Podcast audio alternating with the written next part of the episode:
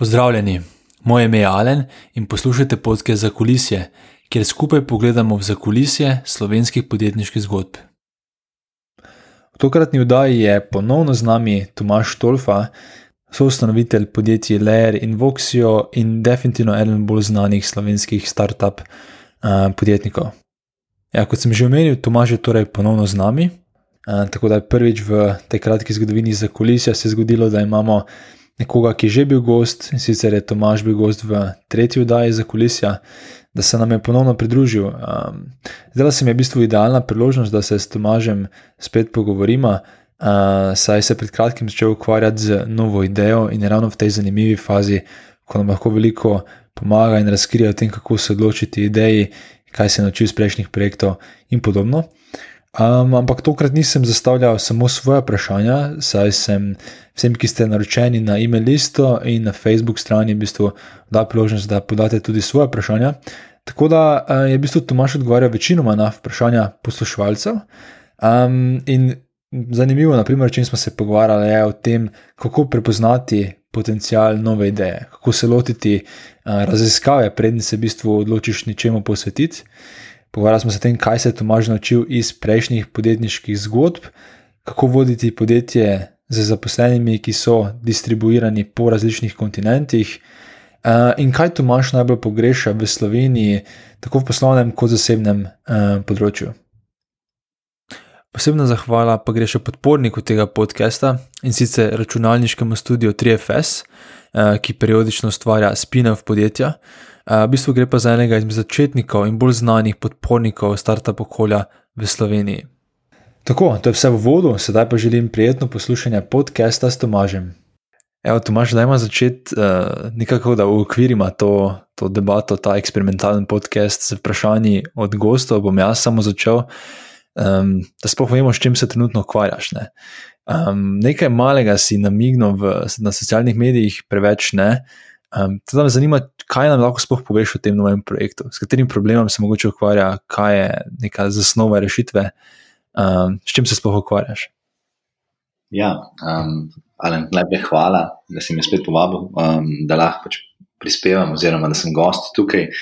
Um, drugo pač ne, um, mal, že, dos, rekel, že dolgo um, delamo neke, neke zanimive stvari um, v različnih okvirih to je pa zdaj že ta tretja, konkretna, bolj konkretna zgodba.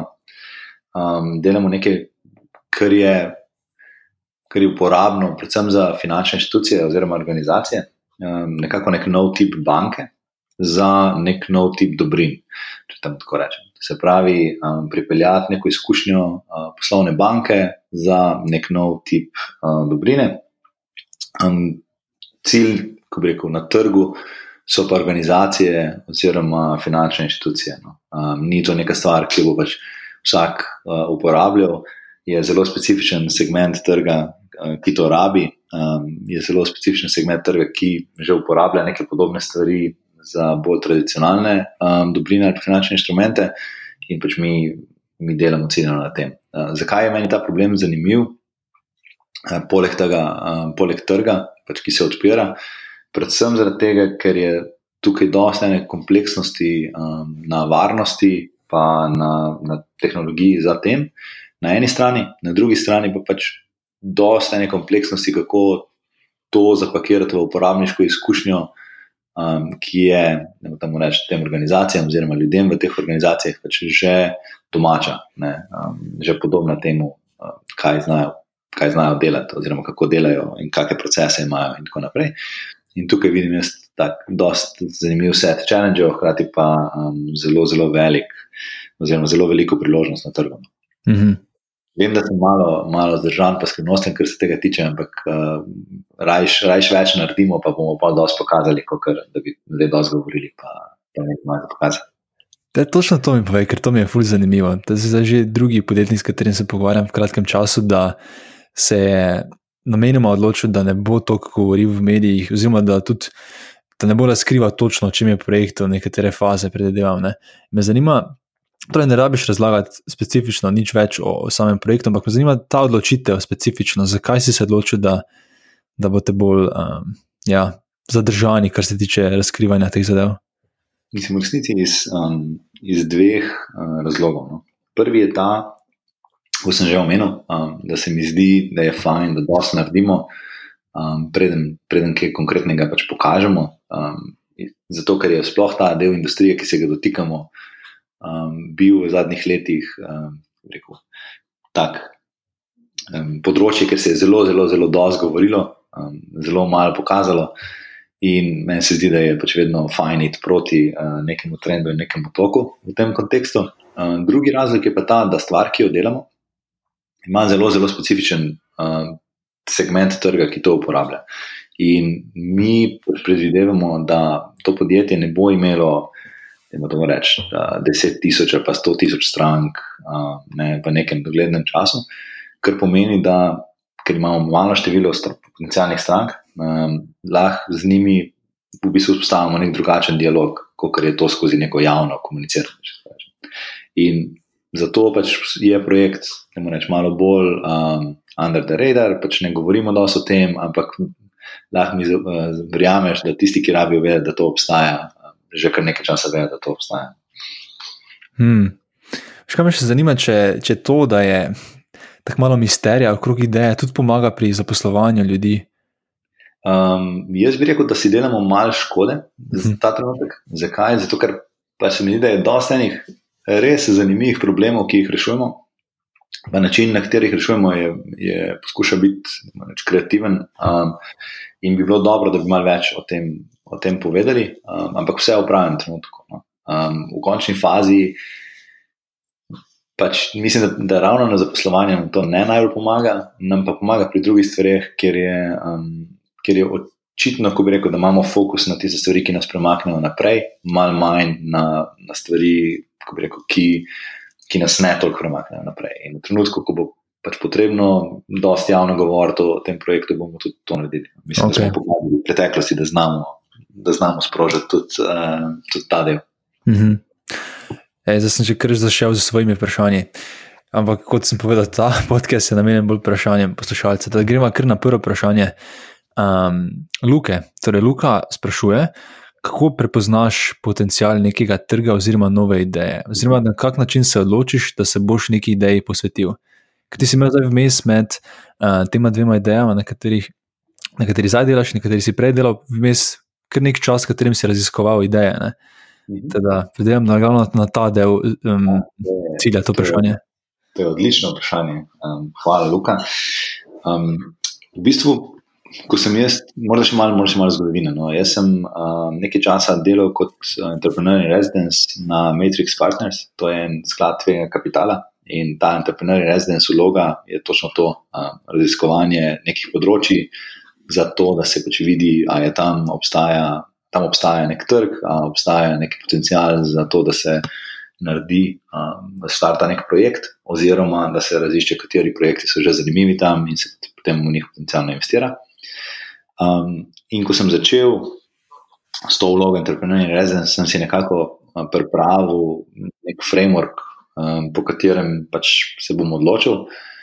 In ta framework je relativno preprost. No? Um, jaz sem vzel za za vir uh, nekega znanja, par dokumentov. Uh, glavni je bil ta Sequoia Business Plan, ki ga lahko vsak dobi, uh, bo dala verjetno tudi link na zdraven. Um, ki sprašuje zelo dobro vprašanje. Od tega, um, kaj je problem, do tega, kaj je trg, do tega, ne, um, kak, kako ekipo rabiš za to, do tega, zakaj, zakaj je zdaj dober čas, uh, in tako naprej. In potem sem za vsak ta, za vsako idejo, če tako rečem, šel čez ta framework uh, in si odgovoril na ta ključna vprašanja, ki so se meni zdela najbolj pomembna. Um, cel proces je trajal nekje med mesec in tri mesece za različne ideje. In kaj, kaj pade ven na koncu tega procesa, je pa en tak kratek dokument, ne morem reči, par strani, max, ki ti odgovori na vsa ključna vprašanja, hkrati ti pa pomaga zastaviti stvari za naprej. Vem, da govorim malo generično, pa lahko so bolj, bolj konkretna, no? ampak to je, to je meni grozno, da vas pomagam. Zakaj? Zato, ker sem imel nek strukturiran način um, dela skozi uh, analizo nekih uh, priložnosti, na koncu pa pač v bistvu zaradi tega dela in procesa ustvaril nek dokument, ki sem ga lahko delil naprej um, ali drugim na Matrixu, ali pa pač tistim, ki so mi pomagali pri raziskovanju in tako naprej. In tako da na koncu smo vsi imeli nekaj od tega. No. Um, če se nisem odločil ne, za, za projekt. Zdaj, za tega, ko smo se odločili, pač, um, smo ga tudi delili naprej, ampak v malo drugačni obliki, ker je to spet osnova za, za zastavljanje neke zgodbe za, na trg, za hiring, za fundraising in tako naprej. -hmm. Pa zdaj, ko si omenil, da bi bila bolj konkretna, a je mogoče kak primer um, ideje, ki ni šla skozi, kateri bi lahko malo bolj razlo razložil, naprimer, ja. kaj si sploh iskal in zakaj ni na koncu se za njo nisi odločil. Ja, z veseljem. Um, recimo, recimo, da lahko pač eno idejo, ki smo jo poskušali raziskati za, za uh, luxury market, to se pravi za pač velike, uh, oziroma za proizvajalce uh, luxury dobrin. To je ideja, je bila v bistvu ta, da lahko uh, prilepiš identiteto na katerikoli luxury object. Um, zakaj? Ne, zato, ker pač luxury ima par zanimivih problemov. Um, recimo, en, za katerega vsi vemo, je counterfeiting. To se pravi, da pač ne, nekdo na kitajskem uh, naredi Louis Vuitton torbico, ki ni Louis Vuitton torbica in pač to podaja. Um, Louis Vuitton od tega nima nič, razen izgube ogleda. In te stvari so celo nekako kvantificirane. Um, ne vem, 10% letno revenue no, je, je neka taka številka, uh, ki je ocenjena. Se pravi, če veva, da ima LVMH, uh, se pravi Louis Vuitton, moj Hennessy, približno 20 milijard letno prometa, uh, je to crka 2 milijarde velik problem.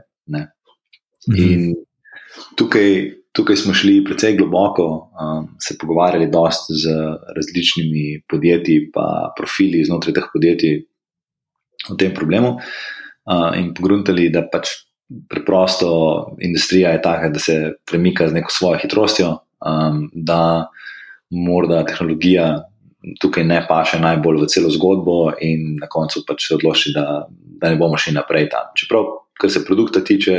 Prši kar daleč z idejami, kar se tega, koliko je to vredno tiče, tudi kar prši daleč z idejami, prosto smo se odločili, da trg ni, trg ni primeren, oziroma da še dolgo ne bo zrel za to.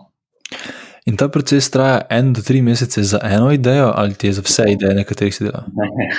Mislim, odvisno, koliko kolik daleč, pa koliko intenzivno hočeš um, iti.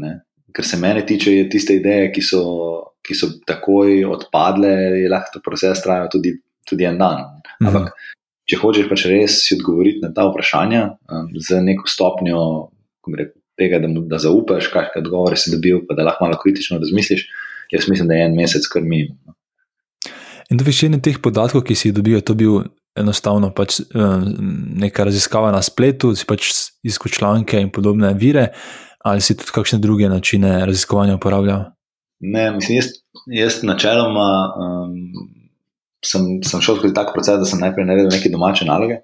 To se pravi, pač prišel do nekih svojih um, mnen um, in, rekel, vsaj osnovnega upogleda. No potem pa um, začel govoriti z ljudmi, ki so bili znotraj te industrije ali pa blizu temu problemu, ali pa so poskušali reševati analogen problem nekje drugje, um, in tako naprej. Zato, da sem pol od njih dobil še dodaten input in nekako to destiliral v neke zaključke, in potem se nekako to, to se vrti. No, če tako rečem. Mm -hmm. To je različne iteracije na tem. Okay. Um, pa gremo še na naslednje vprašanje od Luke. Um, vprašanje je, kaj delaš zdaj drugače kot pri prvih dveh teh večjih zgodbah? Um, kaj si se naučil iz prejšnjih zgodb in, in zdaj delaš drugače? Um, seznam je zelo, zelo dolg. No. Um, če, če rečem, če menim, da par ključnih stvari, um, pač organizacijo gradimo drugače. Um, to je ena stvar. Um, druga stvar je ta, da dosta več pišemo. Um, pa poskušamo predvsem na tem nivoju grejenja zaupanja, pa komunikacije znotraj ekipe, um, res ne popuščati. No. Pač ne pozabiti na to, in tako naprej. Sploh zato, ker smo, smo distribuirani, pač jaz trenutno sedim uh, v Ameriki, pač del ekipe je v Sloveniji, imamo nekaj ljudi, ki so na remote, uh, imamo celo nekaj ljudi v San Franciscu. Tako da je ta del, um, ta del zelo, zelo pomemben in tukaj smo res, uh, tukaj res ne popuščamo. Mislim, da ne, ne, znam, ne znam, ko bi rekel, zelo na kratko odgovoriti na vprašanje. Pravim, da se znam je dolg, uh -huh. um, sigurno delam zdaj dosti bom rekel, bolj počasi, pa bolj premišljeno, zato ker je brada daljša, pa, ti vlast. Da samo to mi razloži, kaj pomeni več pišemo. To pomeni, da vi znotraj ekipe si več komunicirate, bolj globoko ali izven. Ne, to pomeni, da, da praktično, mislim, ne, to je zdaj, to je zdaj idealno. Ampak da karkoli boš povedal več kot enkrat, um, je treba napisati. Mhm. Zato, da, zato, da pač imamo nekje zapisano, um, dva, zato da pač lahko pridemo skozi ta zapis do neke uh, enotne verzije realnosti, ki, s katero se vsi strinjamo.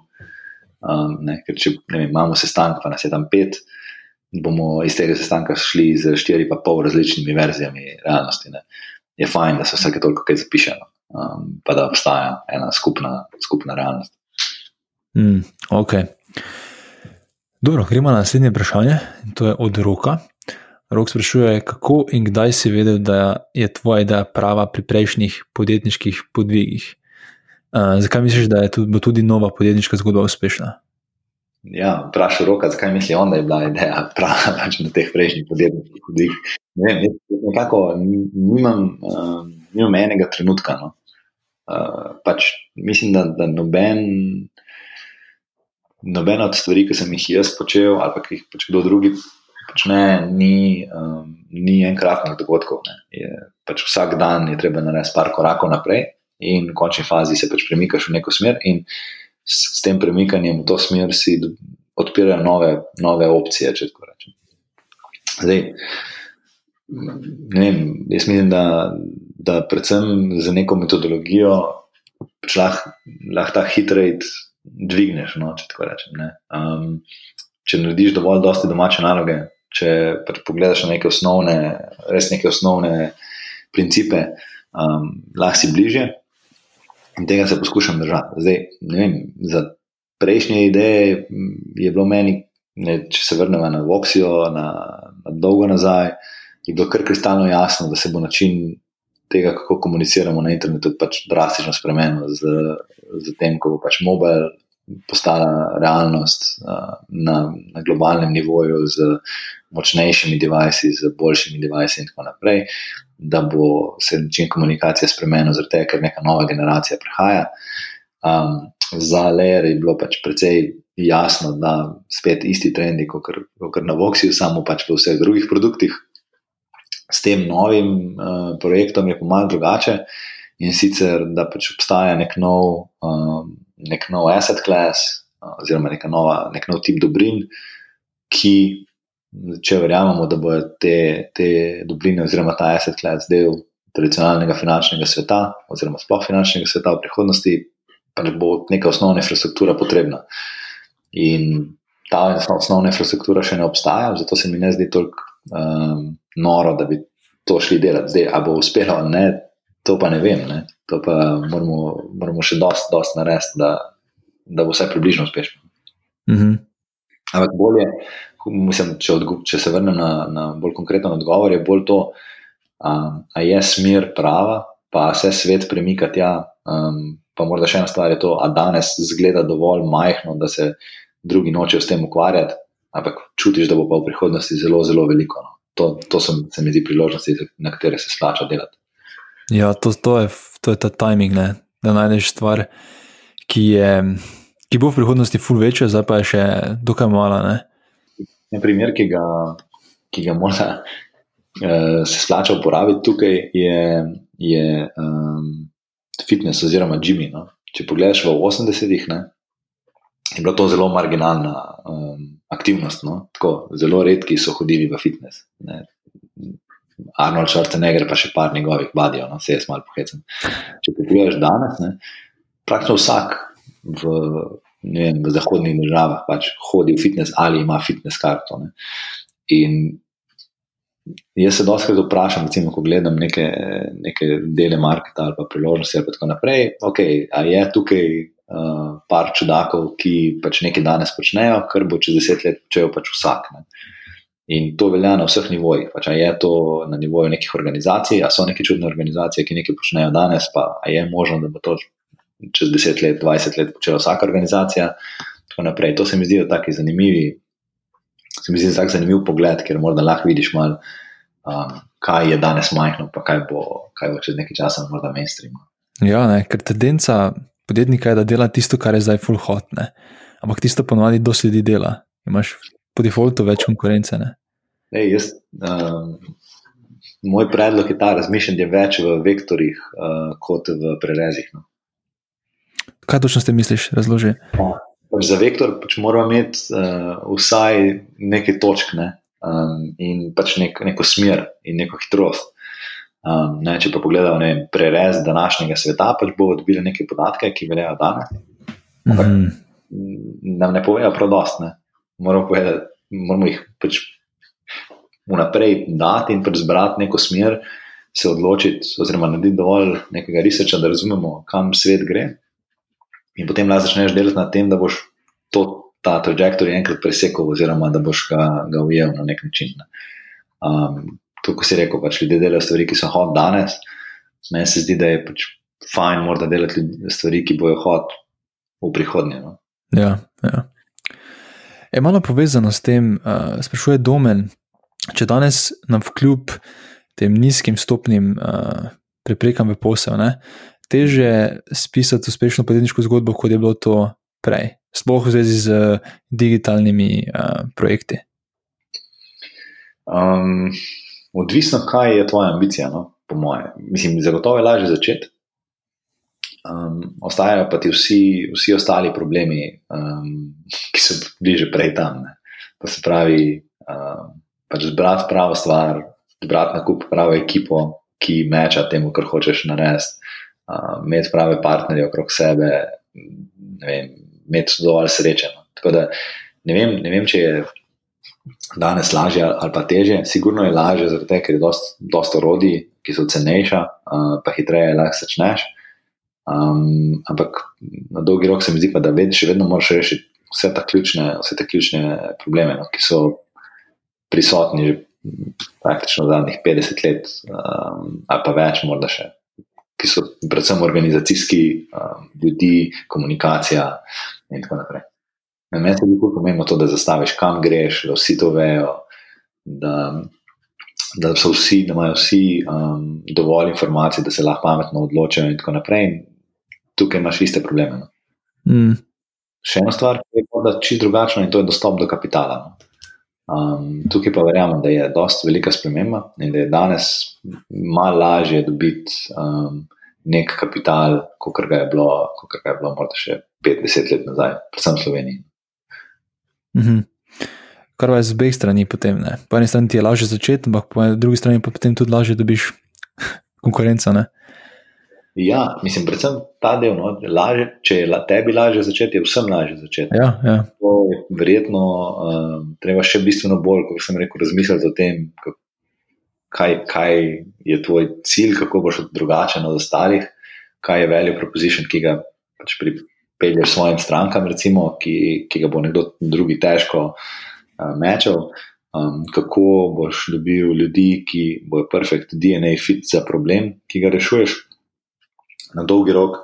Um, tudi, kaj hočeš strateško postati, ko, ko odraseš, recimo kot firma, um, je tudi ena taka stvar, o kateri velja dosti razmišljati. Tako da ne vem, mislim, sej spet budasta analogija, no? ampak uh, ne id igrati uh, košarko na ploščo, pač lahko vsak, ne? pač rabi žogo, pa copate. Zdaj, to je začetna faza, pol pa kdo splava na to, da morda konča v prvi ligi ali pa v Euroligi ali pa v NBA, je pač potem cel kup enih dodatnih faktorjev. No? Ampak ja. se strinjam, da je, da je to. Da lahko začneš, pa ful, ful približeno, kar je, kar je edino pozitivno, če me vprašaš. No. Zdaj, govoril si dosta o komunikaciji v ekipi, pa tudi to, da ste bili distribuirani po celem svetu. In um, imam vprašanje od Andraža, ki se točno na to navezuje. Sicer Andraž sprašuje, oziroma pravi, vodim remote podjetje s štirimi zaposlenimi in zanima me, kakšen odnos imaš ti do remote dela in ali se tega poslužuješ tudi sam. Če se, imaš kakšne nasvete, kako se tega pravilno lotiti? Pravilno, to je, to je to težek del. Ne, mislim, ja, odgovor je, ja, mi uh, smo že na, in na Voxu, in na Lerju, in zdaj um, delali pač distribuirano. do ene mere. Um, pač imamo pisarne, v katere lahko pač pridemo in smo skupaj, ampak lahko tudi pač delamo tam, kjer smo. Um, sploh zato, ker smo na različnih kontinentih. No. Um, moj, ko bi rekel, stvar, ki dela najboljše, je to, da pač imaš nek set osnovnih uh, ritualov, ki se jih držiš, um, in da je ta komunikacija pač dobra in odprta, uh, poleg tega pa da se dost, dost piše. No. Um, To se mi zdi, da so tako res osnovni principi. Pa ne to, da se dosti piše na četu ali pa na sleku, ampak da so pač neke stvari, ki so razdeljene, uh, poenostavljene in pač spravljene tako, da jih lahko vsak pogleda v vsakem trenutku.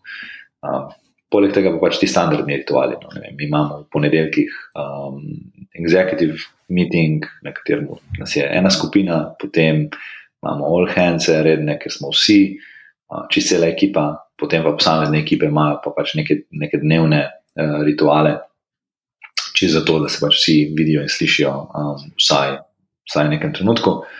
Um, poleg tega je pa potem še cel kup enih ritualov okrog uh, planiranja, um, okrog retrospektiv in tako naprej. Tukaj nismo noč izumljeni, no, tukaj se pač učimo od, od drugih. Na kaj treba paziti, ko zaposluješ ljudi, če veš, da imaš distribuirano podjetje? Verjetno um, nekakšen drugačen skill set ali pa mindset, ki ga pričakuješ od ljudi.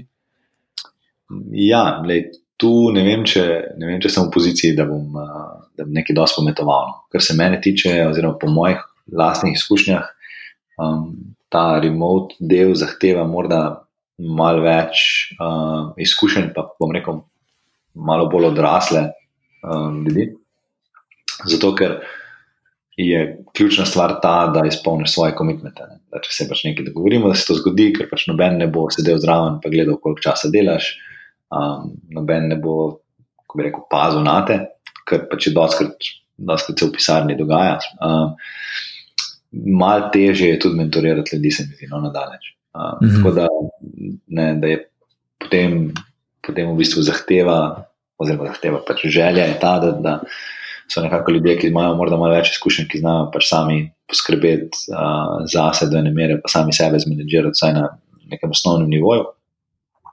Um, tako da to se mi zdi no, ena taka razlika med tem, koga v pisarno pripelješ, pa koga, kdo je lahko takoj, takoj remote. Mm -hmm. Mislim, da nas je že, da sedimo skupaj vsake toliko, mm -hmm. uh, v vsakem primeru. Ej, povezano s tem, Oto sprašuje, kako ekipo in podjetje pripraviš do tega, da se preseli v Ameriko in ko so tam, potem ostanejo s tabo. Ne? Oziroma, kako ohraniš vrednote in kulturo skozi hitro rast podjetja. Ja, to so dve različne vprašanja. Prvo je uh, kupiti karte, pa poskrbiš, da imajo ljudje kje spati. Um, pa, ne, mislim, imaš pač iskren pogovor okrog tega, zakaj je to pomembno. Um, pa, ne, zakaj je to pomembno za podjetje, pa za ekipo. Zdaj, to mora biti uh, usklajeno z potrebami posameznika. No. Vem, mi nismo nikoli silili nobenega, če tako rečem. In tudi nekaj ljudi, ki se je preselilo v Ameriko, zelo je, potem se vrnilo nazaj v Slovenijo. Tako, tako da ni um, tukaj, jaz mislim, da je predvsem pomemben pogovor in to, da ljudje razumejo, zakaj je v enem trenutku nekaj pomembno. Uh, in če, to, če je to usklajeno z njihovimi osebnimi potrebami, potem je to izvedljivo, drugače pa pač pa ni.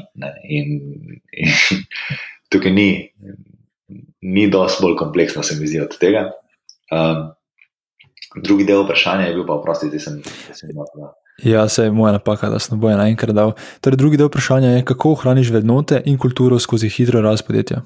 Ja, no, um, to,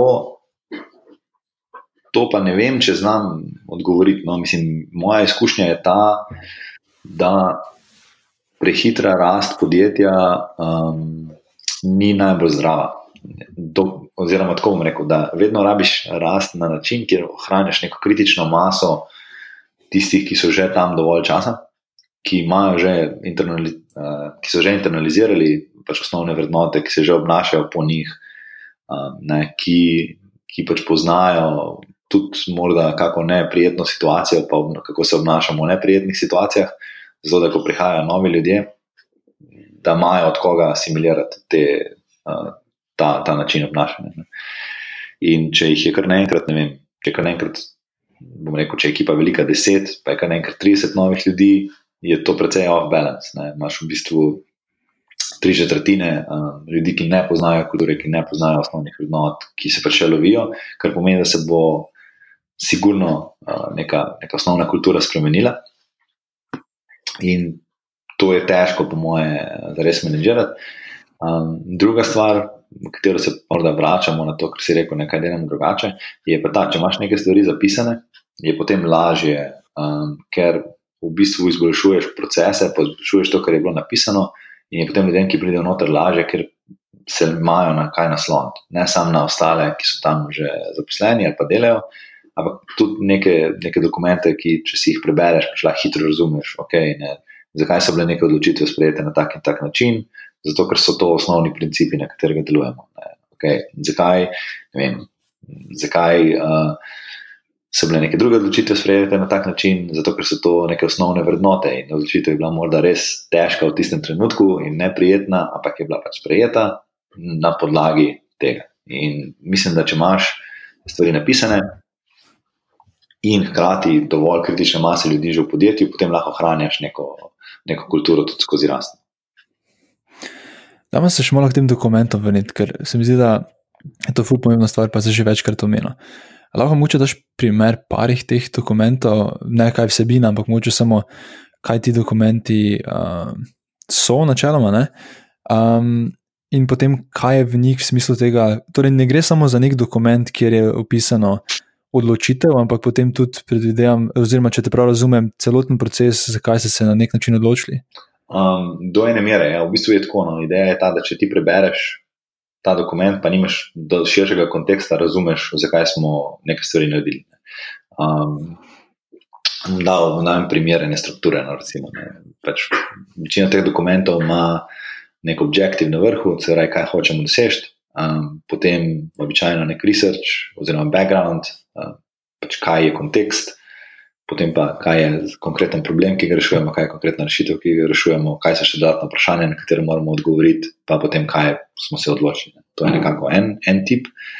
Če dam malo drugačen tip, je recimo vem, letno planiranje ali pa tri mesečno planiranje, spet ponovimo, da okay, to je firma, to počne. To je mission, to je vision, to so osnovne vrednote, to so osnovni produktni principi, na katerih delamo, to so osnovni cilji, tako so strukturirani in tako naprej. Tako da, tudi če ti vem, nisi bil prisoten na planiranju za 2019, če pač prideš na planiranje za 2020, imaš v tem dokumentu vse, kar rabiš, zato da pač lahko si učinkovit in uspešen. No. Upam, da je dobro pomen. Ja, razumem. Mislim, pravim vedno bolj razumeti. Ena stvar mi še manjka in sicer, če jaz komaj začenjam z svojim uh, podjetjem, startupom. Ne? Kaj sploh moram, mislim, pri katerih odločitvah naj začne pisati dokumente, pri katerih pa to ni nujno potrebno. Mm. Jaz mislim, da, da dokler, dokler si v neki research fazi, ne rabiš no, tega pisati. Uh, ampak, ko enkrat ekipa začne postajati ekipa, ko je enkrat več, ko, uh, recimo, ko je enkrat več kot samo inženiring, kot funkcija v organizaciji, je to dobro početi. No. Zato, ker to pomaga pri usklajevanju, pomaga pri tem, da je ena mhm. verzija realnosti in tako naprej. In Vse, nekateri ljudje pa pač funkcionirajo zelo drugače. Ne, ne se zdi, da, da pač to je meni blizu, no, tako bom rekel, pa plus organizacija, ki si jo jaz želim uh, ustvariti. Želim, da funkcionira na nek tak način, kjer si lahko zargumentiramo uh, neke odločitve, kjer lahko gremo nazaj in pogledamo, kaj smo naredili prav, kaj smo naredili narobe. In kjer lahko nekdo, ki ni bil zraven, um, razume, zakaj je bilo nekaj takega. Hmm. Imamo še dva vprašanja, uh, ki so zelo vezana tudi na to, Slovenija proti Ameriki, oziroma pač ta balans. Um, da ima mogoče najprej tem bolj um, profesionalni, pa potem gremo na osebnega. In sicer Blažej sprašuje, veliko časa si preživel v Silicijevi dolini, torej gledano nazaj, ali bi po tvojem mnenju lahko Leer razvili in širili podobno uspešno tudi v Evropi. Um.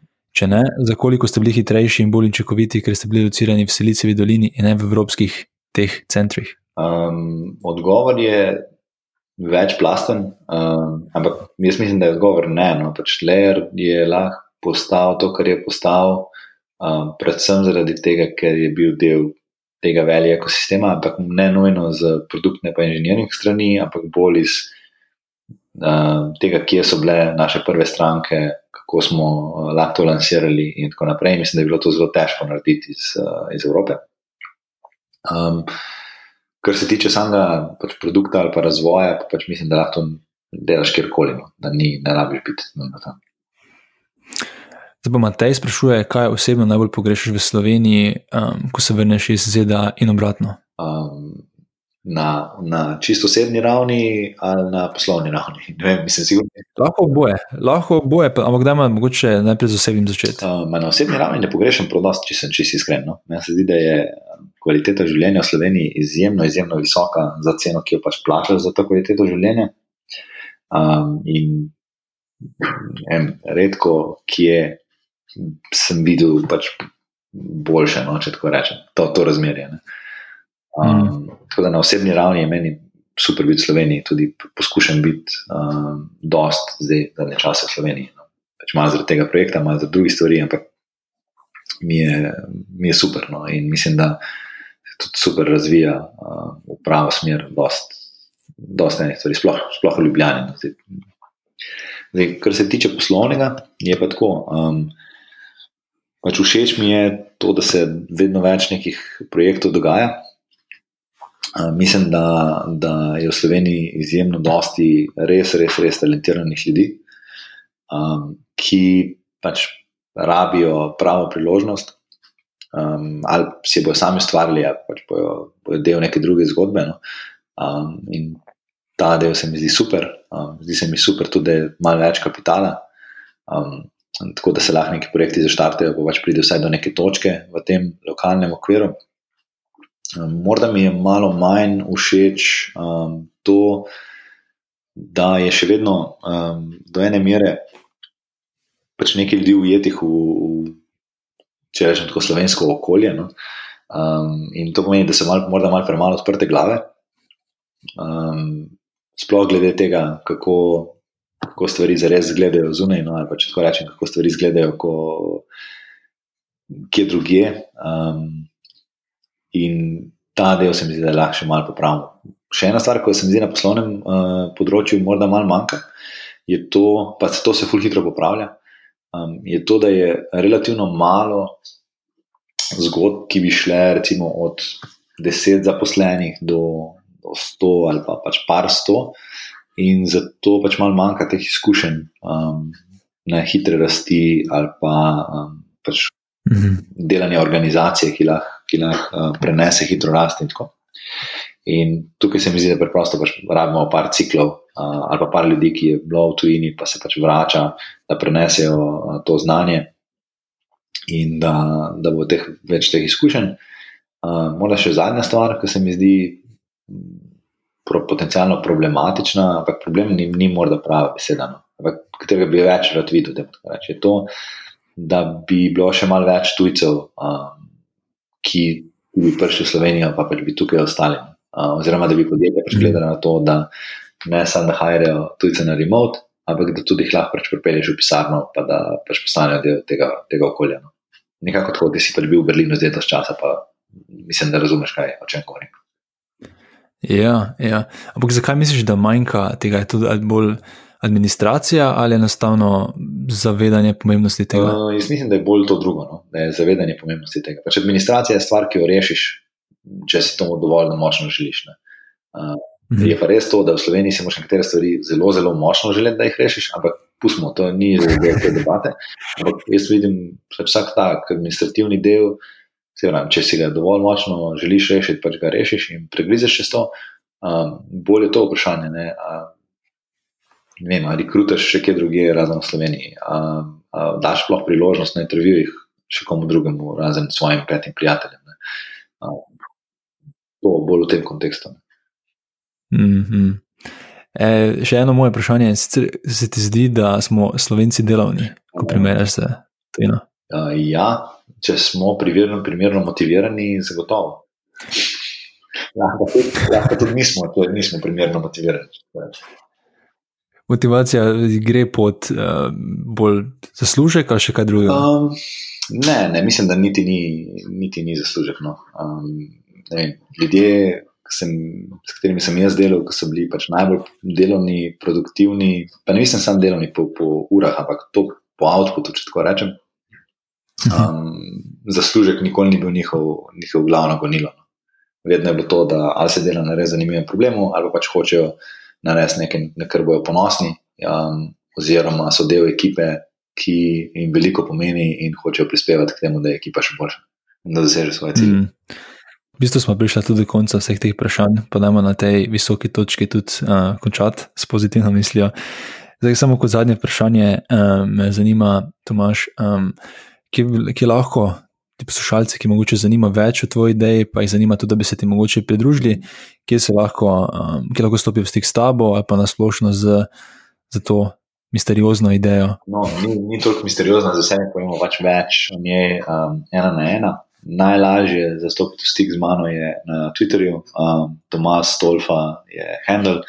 Um, drugi najlažji način, ki pač bo tudi verjetno še zelo dolgo, um, enostaven način za stopiti v stik z mano je preko maila, um, tomas.stolfa.gmail.com.